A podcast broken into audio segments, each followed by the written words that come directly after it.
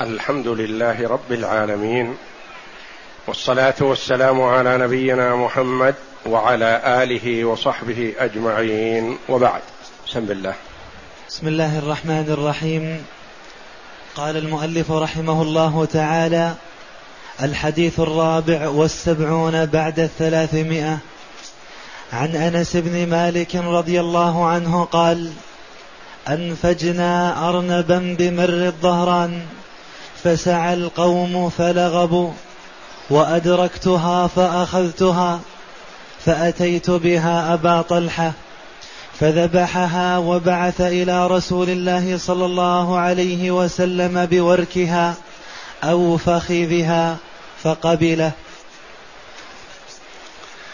هذا الحديث في الصيد والأطعمة والذبائح عن أنس بن مالك رضي الله عنه هذا خادم النبي صلى الله عليه وسلم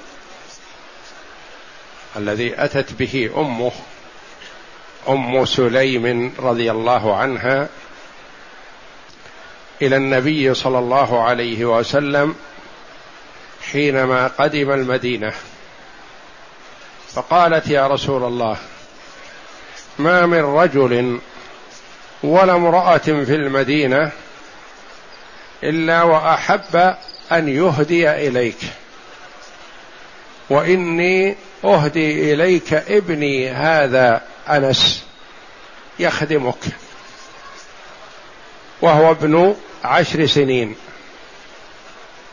فاستمر مع النبي صلى الله عليه وسلم يخدمه حتى لحق النبي صلى الله عليه وسلم بربه تبارك وتعالى.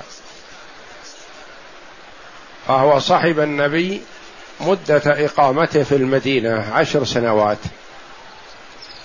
ابتدأ وعمره عشر سنوات. وتوفي النبي صلى الله عليه وسلم وعمر أنس عشرون سنة رضي الله عنه. وقد دعا له النبي صلى الله عليه وسلم بطول العمر وكثرة المال والولد فتحقق له ما دعا به النبي صلى الله عليه وسلم له. فقد طال عمره رضي الله عنه حتى تجاوز المئة. وهو في إدراكه وقوته رضي الله عنه. ودفن لصلبه أكثر من مئة بين من آه، أكثر من مئة من من ولد رضي الله عنه. وأكثر الله ولده وبارك في ثمرته. فكان بستان أنس بن مالك رضي الله عنه في البصرة يثمر في السنة مرتين. وتشم منه الرائحة الطيبة من مسافة بعيدة. رضي الله عنه.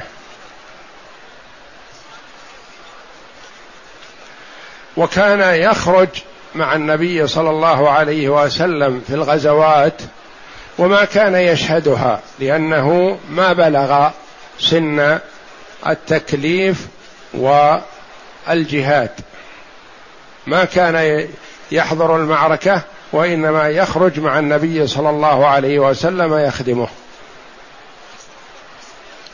يقول رضي الله عنه أنفجنا ارنبا بمر الظهران. أنفجنا يعني أثرنا. أنفجنا أرنب فنفجت. يعني أثرناها فثارت. هاربة عنهم. فسعى القوم فلغبوا. سعوا في طلبها. مجموعة كثيرة. فعجزوا ولم يدركوها. وكان أنس رضي الله عنه في سن المراهقة. ما بلغ فيما ذكر عن نفسه. ما بلغ فكان خفيف وسريع في الجري. فأسرع وقبض عليها. فدل هذا على أنه إذا تسابق أو تسارع مجموعة لأخذ مباح فإنه يكون لمن أخذه. ولا يقول له قومه نحن معك نحن نركض معك أو نسعى براءك.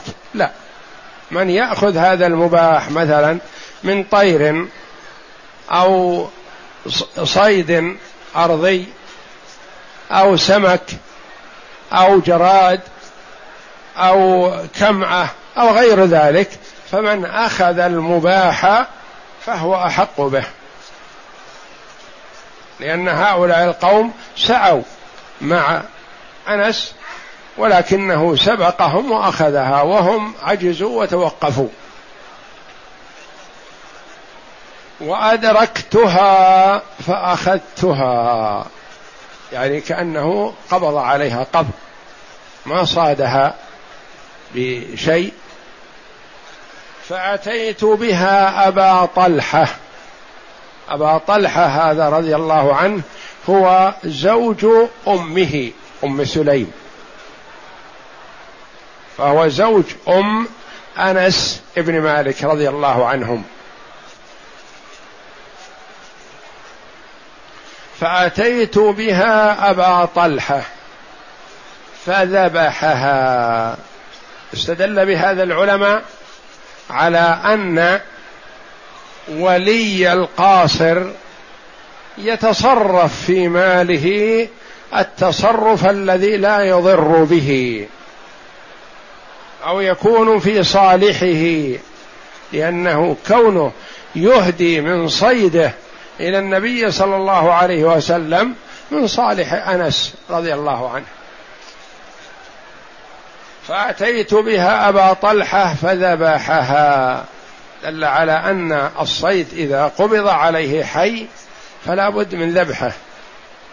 بخلاف ما إذا رماه بسهم أو بندقية أو غيرها فجرحه فمات بهذا الجرح فإنه يعتبر حلالا حتى لو لم يذكيه. يكفي جرحه بشرط أن يسمي الله جل وعلا. فذبحها وبعث إلى رسول الله صلى الله عليه وسلم بوركها وفي رواية بوركيها.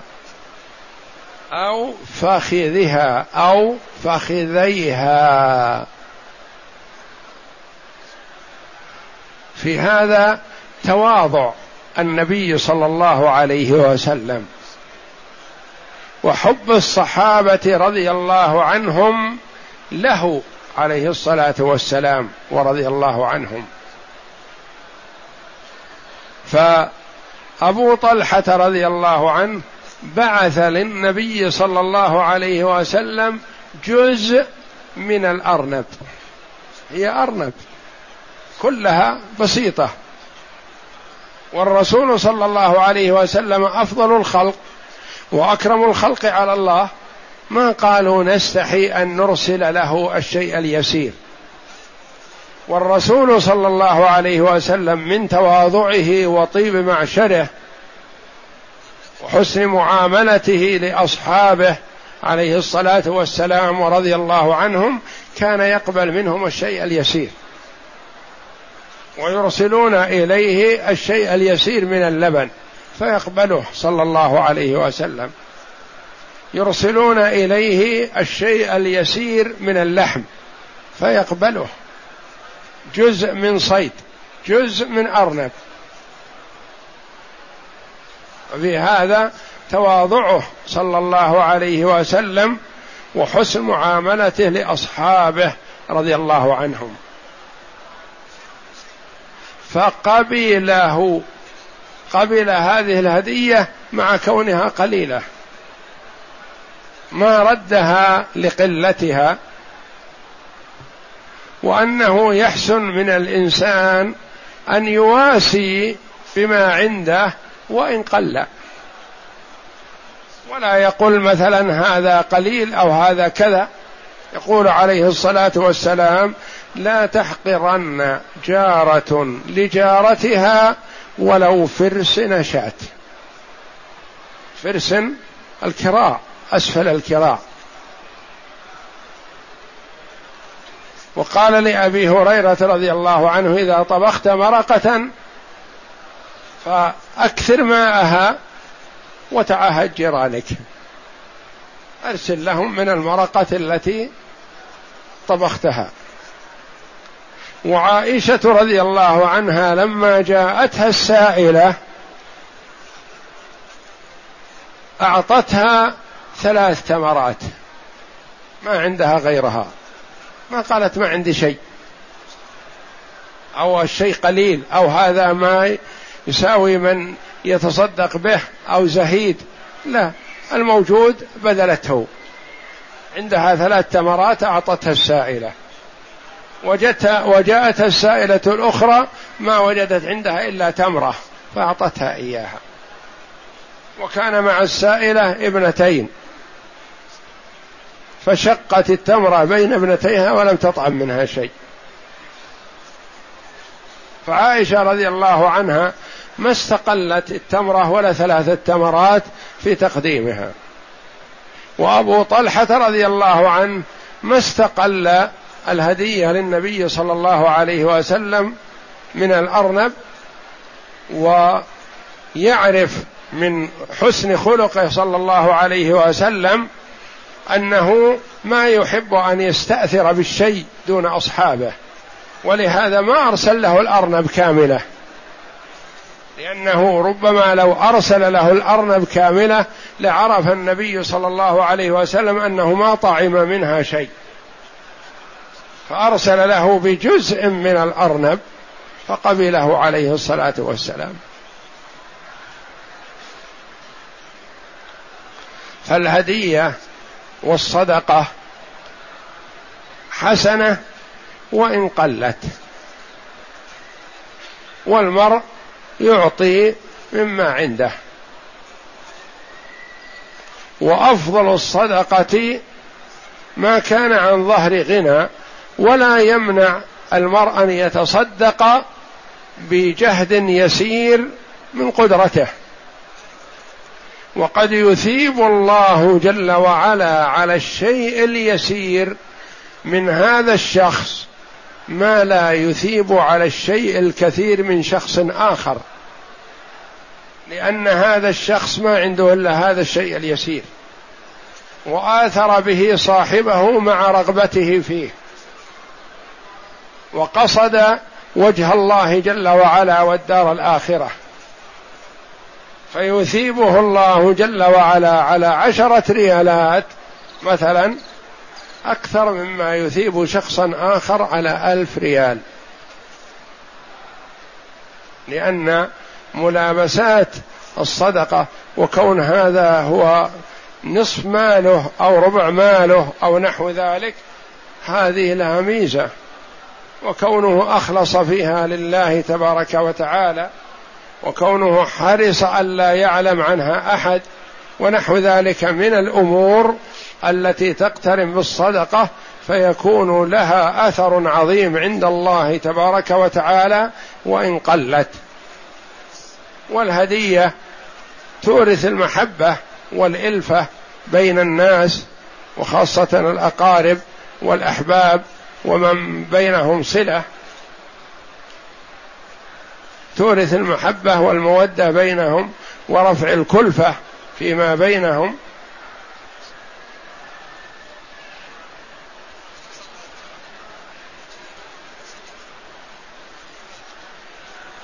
وقوله بمر الظهران أي حافة وادي الوادي والمراد به وادي المسمى حاليا وادي فاطمة. هو المسمى في السابق بمر الظهران وهو على جهة طريق المدينة من مكة. وهي خارج الحرم وأما داخل الحرم فلا يحل الصيد لا لمحرم ولا لغيره.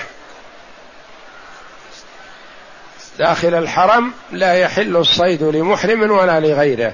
وخارج الحرم يحل للحلال ويحرم على المحرم الصيد. ودل الحديث على حل الأرنب. وهذا شبه إجماع من علماء المسلمين بأنها حلال.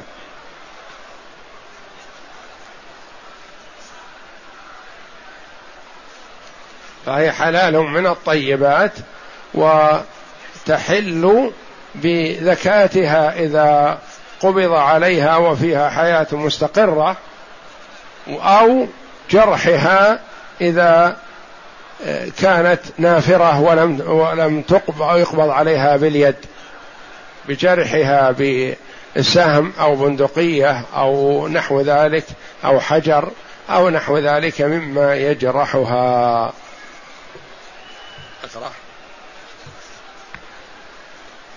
الغريب أنفجنا أرنبا بفتح الهمزة وسكون النون وفتح الفاء وسكون الجيم أي أثرناها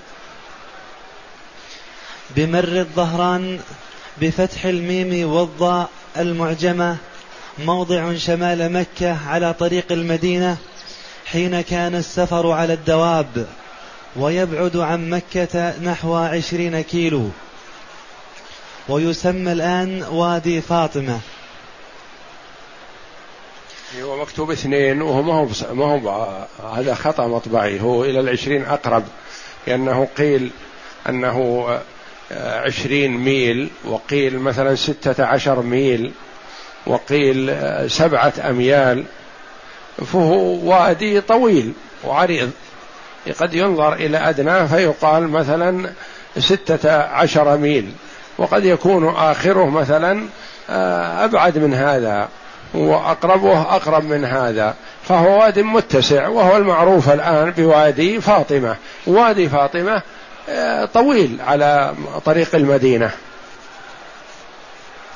هو ليس بكل اثنين كيلو وإنما هو بعشرين كيلو. فلغبوا قال الزركشي بفتح الغين المعجمة وفي لغة ضعيفة قيل المعجمة يعني المنقوطة. المعجمة المنقوطة يعني فيها نقطة.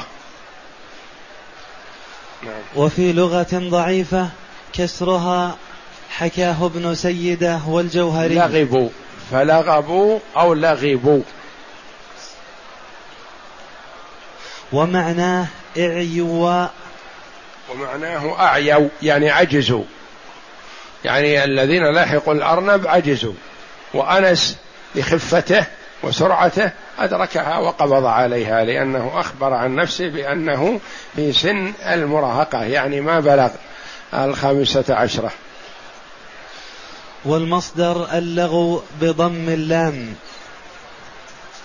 ما يستفاد من الحديث؟ اولا فيه حل الأرنب وأنها من الطيبات وعلى حلها أجمعت الأمة. وعلى حلها أجمعت الأمة يعني أنها حلال.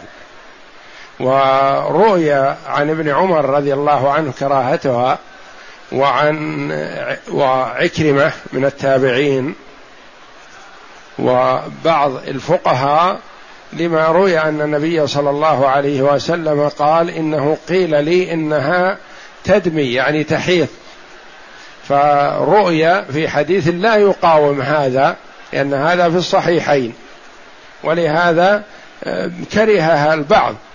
فقوله آه، الإجماع على حلها يعني أن هؤلاء حتى الذين قالوا بالكراهة يقولون حلال لكنها آه، يكرهها بعض الناس. ثانيا قبول النبي صلى الله عليه وسلم للهدية. قليلة كانت أو كثيرة. كان عليه الصلاة والسلام يقبل الهدية ويثيب عليها عليه الصلاة والسلام. ثالثا أن التهادي من أخلاق النبي صلى الله عليه وسلم وهديه. لما يعني في هديه سنته وطريقته. نعم. لما فيه من التوادد والتواصل فينبغي أن يشيع هذا بين المؤمنين خصوصا الأقارب والجيران. والله أعلم وصلى الله وسلم وبارك على عبده ورسول نبينا محمد وعلى آله وصحبه أجمعين.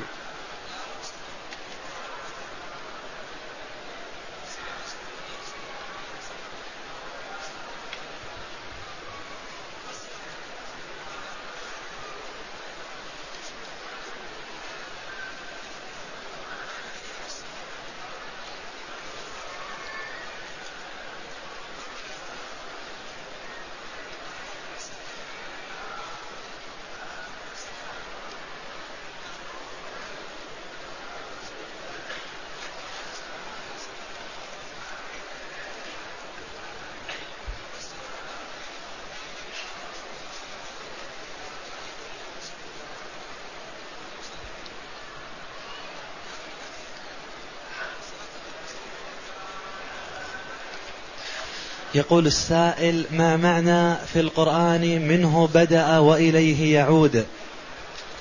منه بدأ يعني أن القرآن كلام الله. الله جل وعلا تكلم به.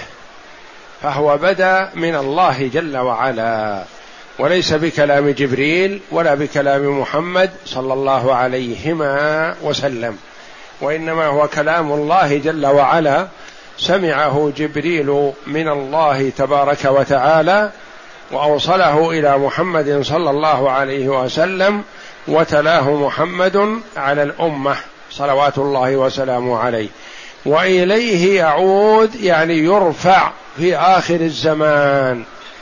إذا بقي حثالة الناس فليسوا أهلا لأن يبقى عندهم القرآن لأنهم لا يعملون به.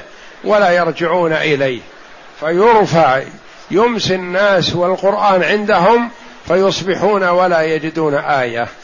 لا في صدورهم ولا في مصاحفهم. تروح تمسح الكتابة من المصاحف وتنسى من الصدور. فأصبح الناس غير أهل لأن يكون عندهم القرآن.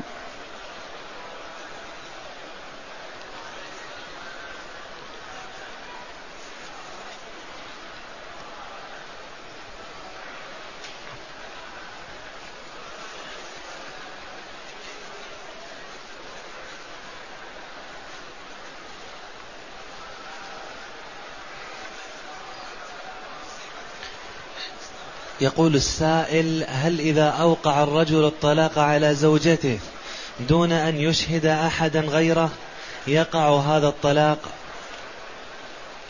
نعم يقع الطلاق إذا أقر به الرجل أو سمعه سامع فإنه يقع.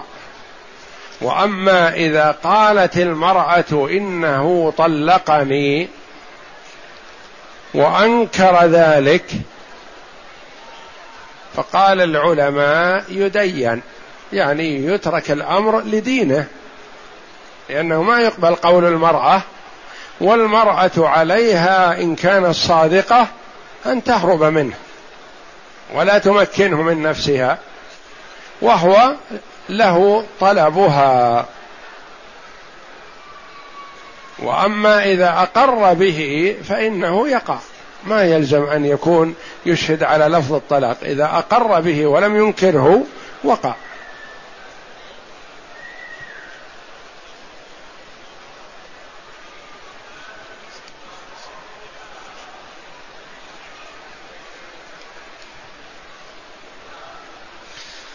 يقول السائل ما حكم الصلاة في الساحات الخارجية للمسجد الحرام مع الإمام؟ مع العلم بأن الصفوف غير متصلة. كلما اتصلت الصفوف وانتظمت فهو أفضل فإن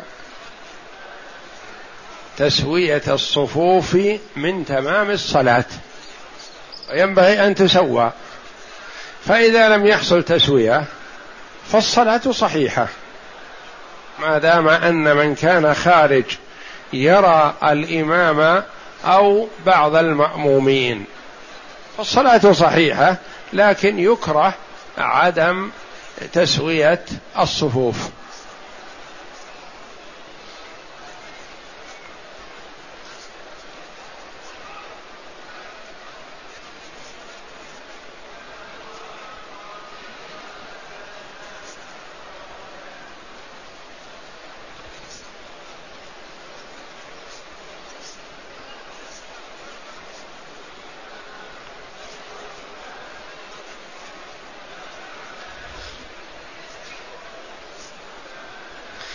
يقول السائل عندي أرض منحة في بلد غير بلد سكني ولكونها في مكان لم يصل السكن إليه لم أفكر في بيعها حتى يصلها العمران وترتفع قيمتها فهل عليها زكاة؟ ليس عليها زكاة ما دامت منحة حتى لو كانت في وسط البلد ما دام أنها أعطيت إياها فليس فيها زكاة لأن الزكاة فيما اشتريته أنت للتجارة. اشتريت أرضا بعيدة لا سكن فيها الآن لكن تؤمل بعد خمس سنوات عشر سنوات تكون محل سكن. اشتريتها للتجارة ففيها الزكاة. اشتريتها من أجل أن تبني فيها مسكن أو تؤسس فيها مزرعة أو استراحة لا زكاة فيها. أعطيت إياها وإن نويت بيعها فليس فيها زكاة لأنها ليست للتجارة. ما دخلت التجارة إلى الآن. إذا بعتها وأدخلت قيمتها في التجارة دخلت. وأما ما دامت عطية أعطيت إياها فلا زكاة فيها لو بلغت عندك عشر سنوات.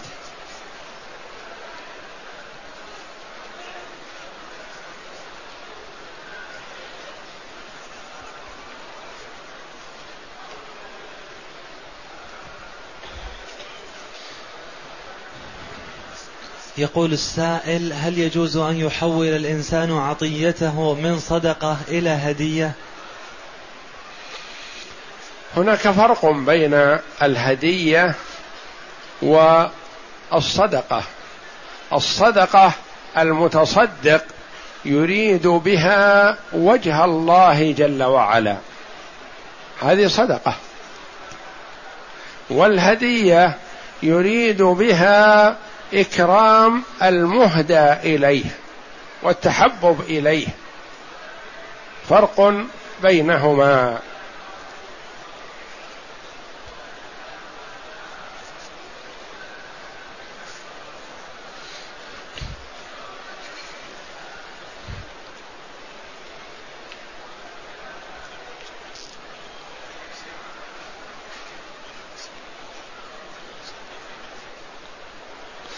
يقول السائل هل يجوز أكل ما صيد بشبه الرصاص؟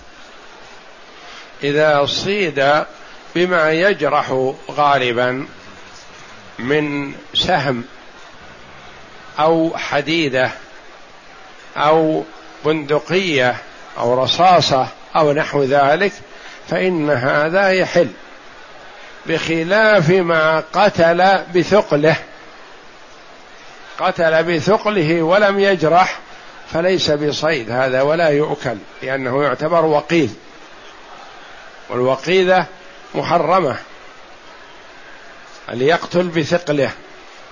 وما قتل بحده فإنه يحل. فمثلا رميت الصيد بحجر كبير وهذا الحجر الكبير ما جرحه ما يكون حلالا لو مات الصيد. إذا رميته بسهم أو عصا أو حديدة فجرحته مع أي مكان ولو مع فخذه فعطلته وتأخرت أنت ما وصلت إليه مثلا إلا بعد زمن حتى مات فإنه حلال حينئذ.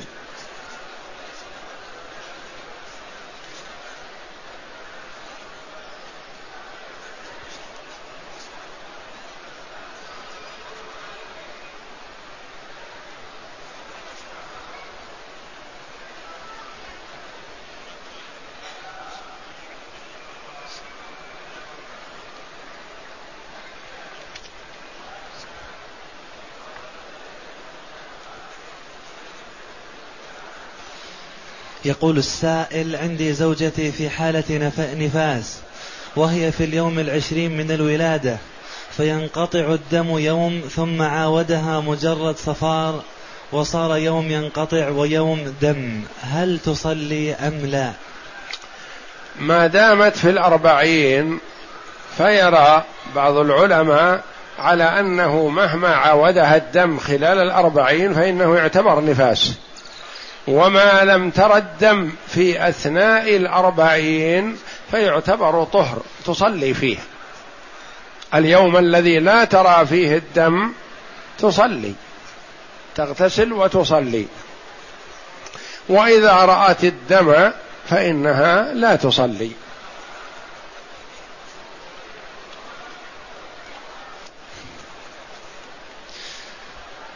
تقول السائلة امرأة حائض لم تطف طواف الوداع للحج فهل يجب عليها شيء؟ لا يجب عليها شيء لأن طواف الوداع واجب في الحج إلا أنه يسقط عن الحائض والنفساء. فالحائض تخرج. فحينما حج النبي صلى الله عليه وسلم حجة الوداع وكان معه رضي الله عنها فرأت حاضت قبل طواف الوداع. فقالت ما أظن إلا أني حابستكم. لأنها تظن أنها ما تسافر إلا بطواف الوداع. فلما أخبر النبي صلى الله عليه وسلم أنها قد أفاضت يعني ما بقي عليها إلا طواف الوداع اذن لها صلى الله عليه وسلم بالخروج بدون وداع. ففهم منه أن طواف الوداع يسقط عن الحائض ومثلها النفساء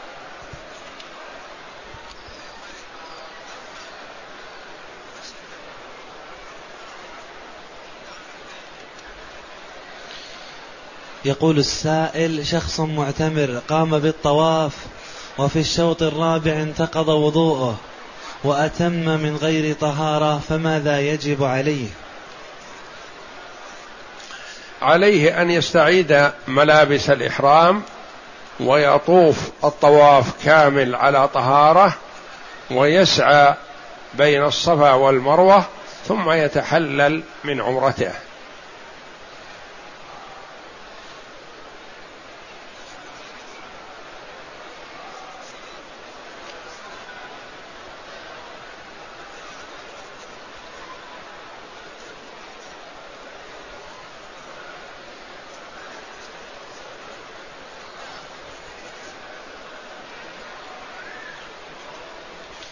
يقول السائل بعض الناس يصلون في الخط الأسود عند الحجر الأسود.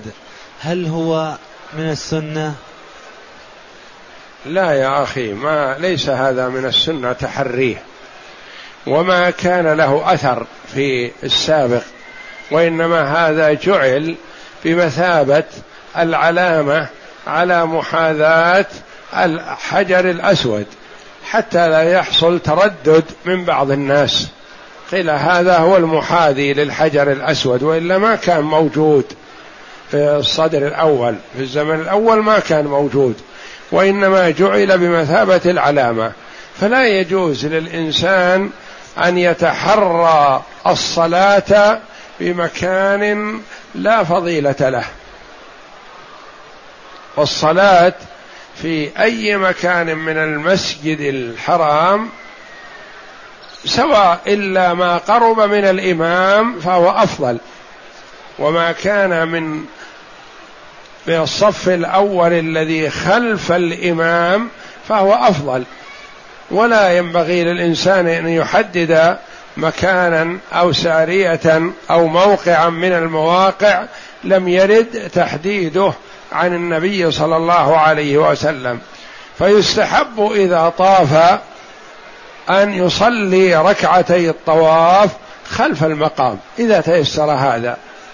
وإلا ففي أي مكان من المسجد وإلا في البيت وإلا في الطريق إن كان مسافر.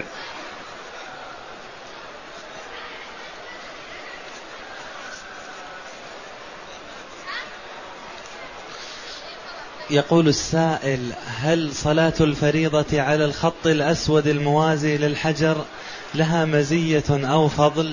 لا ليس لها مزية لا صلاة الفريضة ولا صلاة النافلة بل هو كغيره من الأماكن.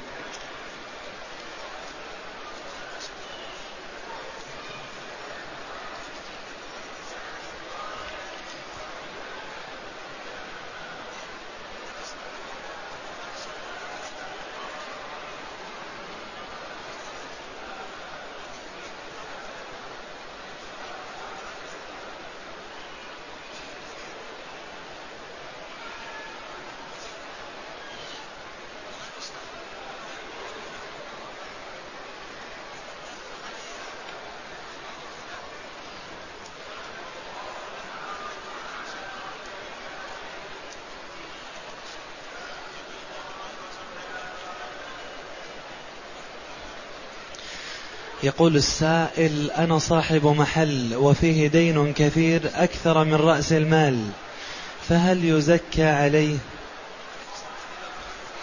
إذا كان قصدك الدين عليك الدين مطلوب أنت عليك دين. فبعض العلماء يرى أن الدين يسقط بمقداره من الزكاة. يعني تنظر ما بين يديك وما أنت مطالب به فتسقطه ثم تزكي الباقي. وبعض العلماء يرى أن الدين لا يمنع من الزكاة فيما بين يديك. قال لأن حق الفقراء ونفوسهم تعلقت بهذا المال الذي تشتغل به. فتعلقت نفوسهم به فأعطهم حقهم. وما كان دينا في ذمتك هذا توفيه من مالك لكن ما يسقط الزكاة مما بين يديك. وبعضهم يرى أن الدين يسقط قال لأن الزكاة مواساة والشخص المدين كيف يعطي زكاة وهو مطلوب؟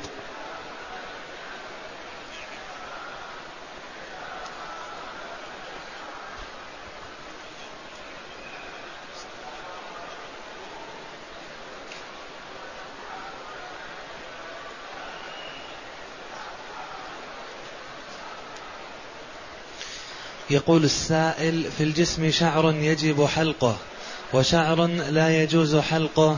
نرجو منكم التفصيل وتبيين ذلك. أما الذي لا يجوز حلقه فهو اللحية. لقوله صلى الله عليه وسلم اعفوا اللحى واكرموا اللحى وارخوا اللحى خالفوا المجوس خالفوا المشركين خالفوا اليهود. ولما دخل عليه صلى الله عليه وسلم مجوسيان قد أطالا الشوارب وحلقوا اللحى. كره النبي صلى الله عليه وسلم منظرهما. فقال ما هذا؟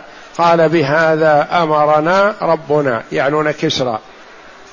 فقال عليه الصلاة والسلام لكن ربي أمرني بإعفاء اللحية وإحفاء الشارب.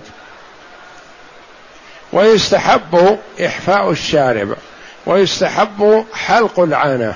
وإلا ما في شعر يجب حلقه وجوب وإنما يستحب يستحب استحبابا الاستحداد الذي هو حلق العانة.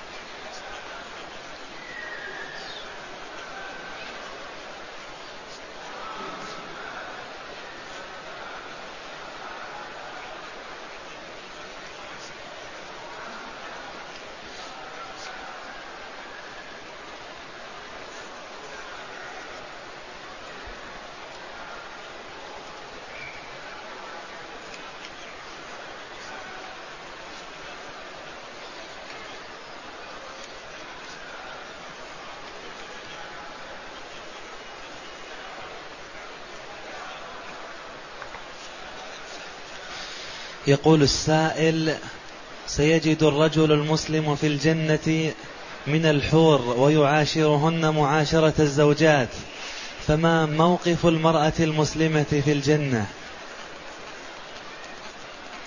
المرأة المسلمة لها زوج في الجنة فإن كانت هي وزوجها دخل الجنة فهي تكون معه وهي مفضلة على الحور العين بفضل عبادتها في الدنيا.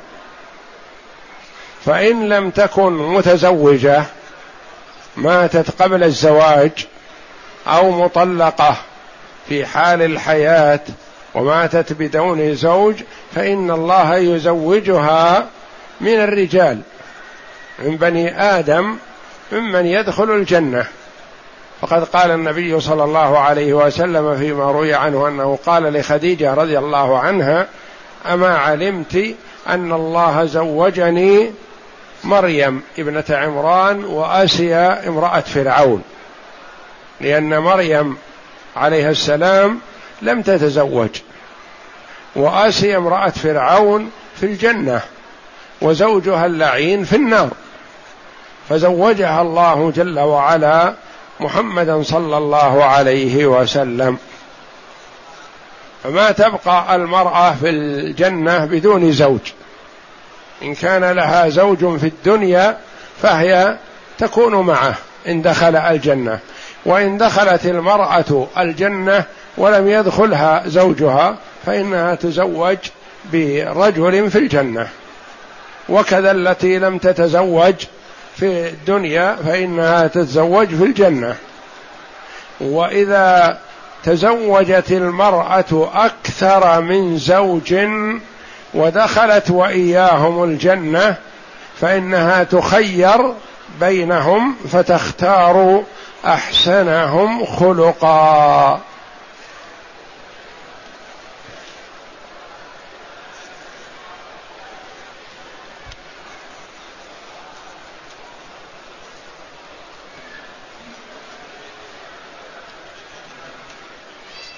هذا الذي يسأل عن محادثة بين زوج وزوجته وحصل بينهما ما حصل من الكلام لا بد من رجوع الطرفين إلى القاضي ليسمع منهما ما الذي حصل.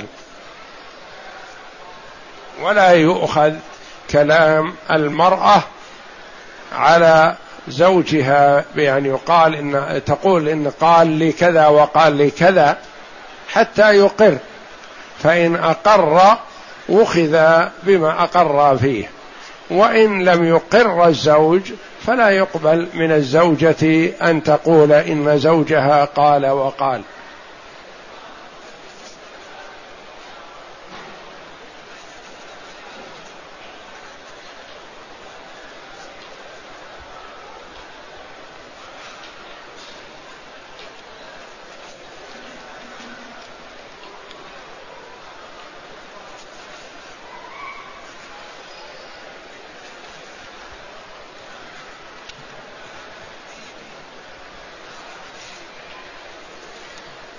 يقول السائل هل يجوز عقد القران على امرأة حائض؟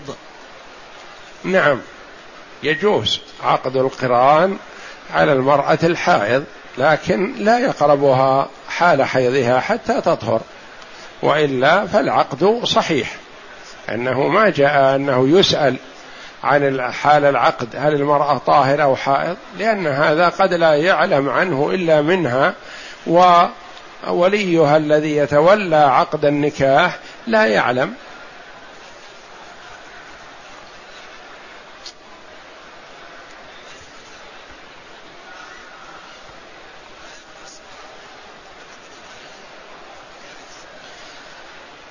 يقول السائل إذا تملك أرضا عن طريق عن طريق الإرث هل فيها زكاة ومتى يكون؟ إذا ورث أرضا فإنه لا زكاة فيها حتى تنوى للتجارة. فإذا أدخلها صاحبها للتجارة فحينئذ تكون زكاتها زكاة عروض التجارة. أما إذا ورث هذه الأرض ونوى أن يقيم عليها مسكن أو عمارة للتأجير أو ينشئ عليها مزرعة ونحو ذلك فهذه لا زكاة فيها. ولو بلغت بقيت عنده سنوات لم يحدث فيها شيء.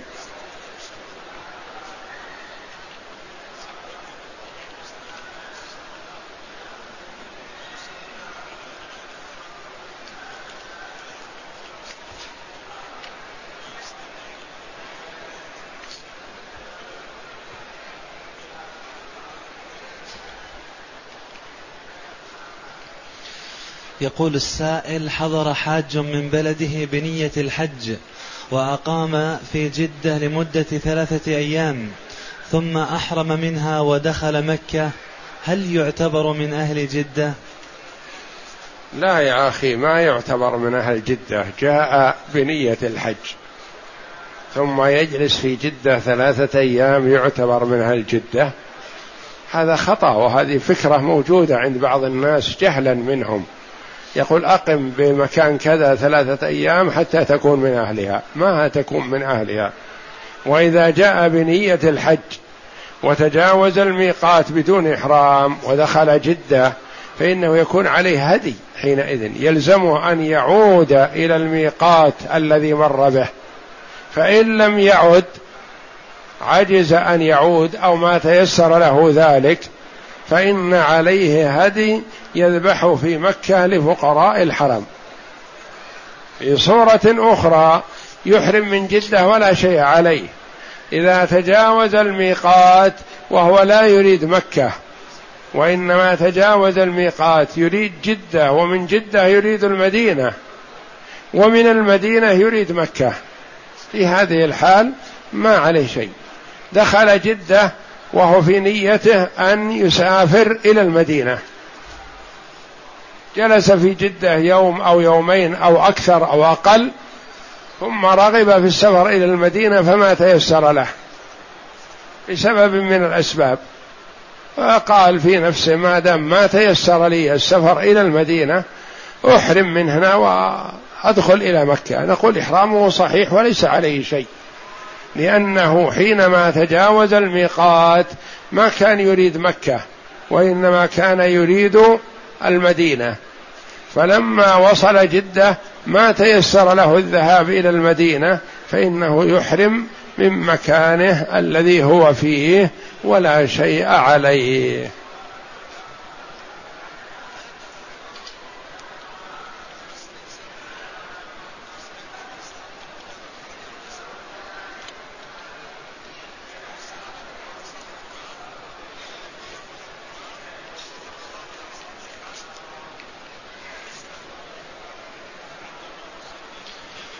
يقول السائل هل يجوز أن أصلي داخل الحجر وظهري باتجاه الكعبة؟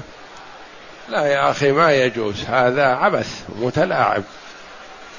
لازم أن يستقبل الكعبة ولازم أن يستقبل شاخص من الكعبة. فما يصح هذا؟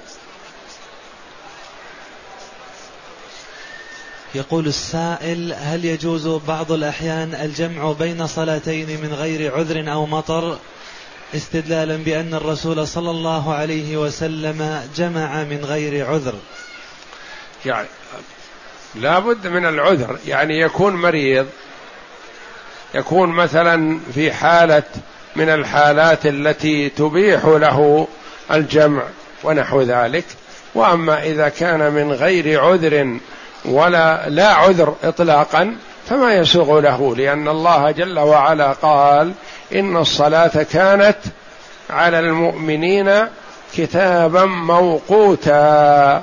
قال المفسرون أي مفروضا في الأوقات.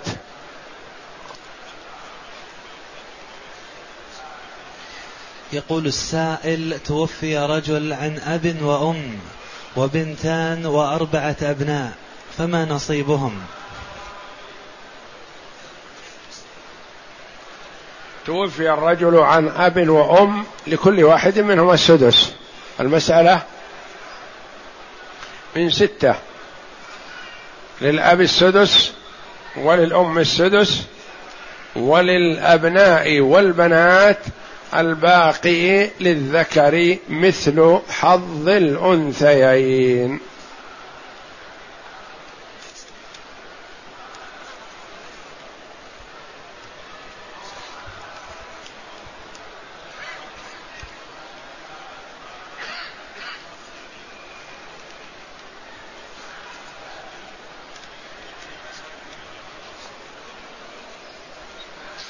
يقول السائل رجل مسافر صلى المغرب والعشاء جمع وعرض له تأخير إلى العشاء وصلى مع الجماعة صلاة العشاء هل تعتبر له الصلاة نافلة أم فريضة؟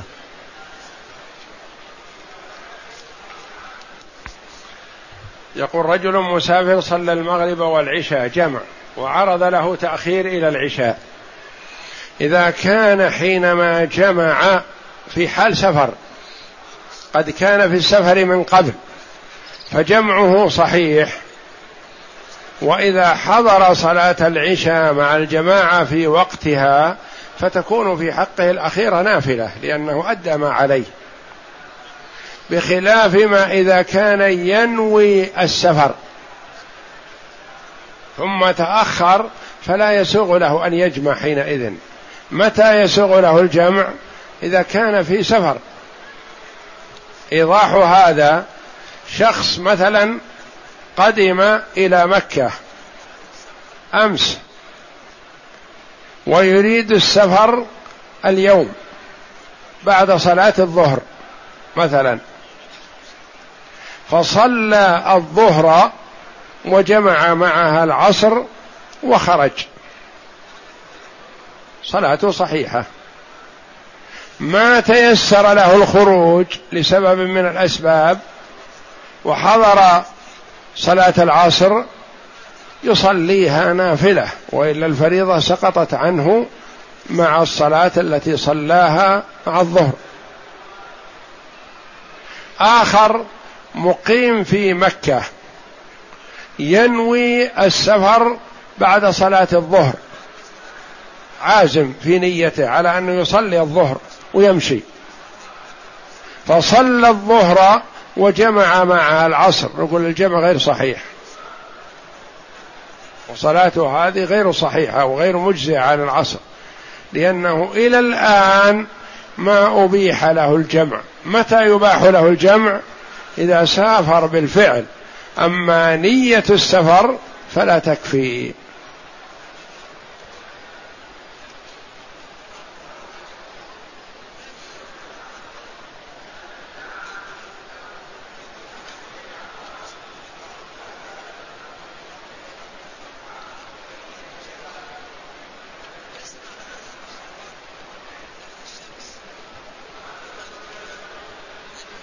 والله أعلم وصلى الله وسلم وبارك على عبده ورسول نبينا محمد وعلى آله وصحبه أجمعين.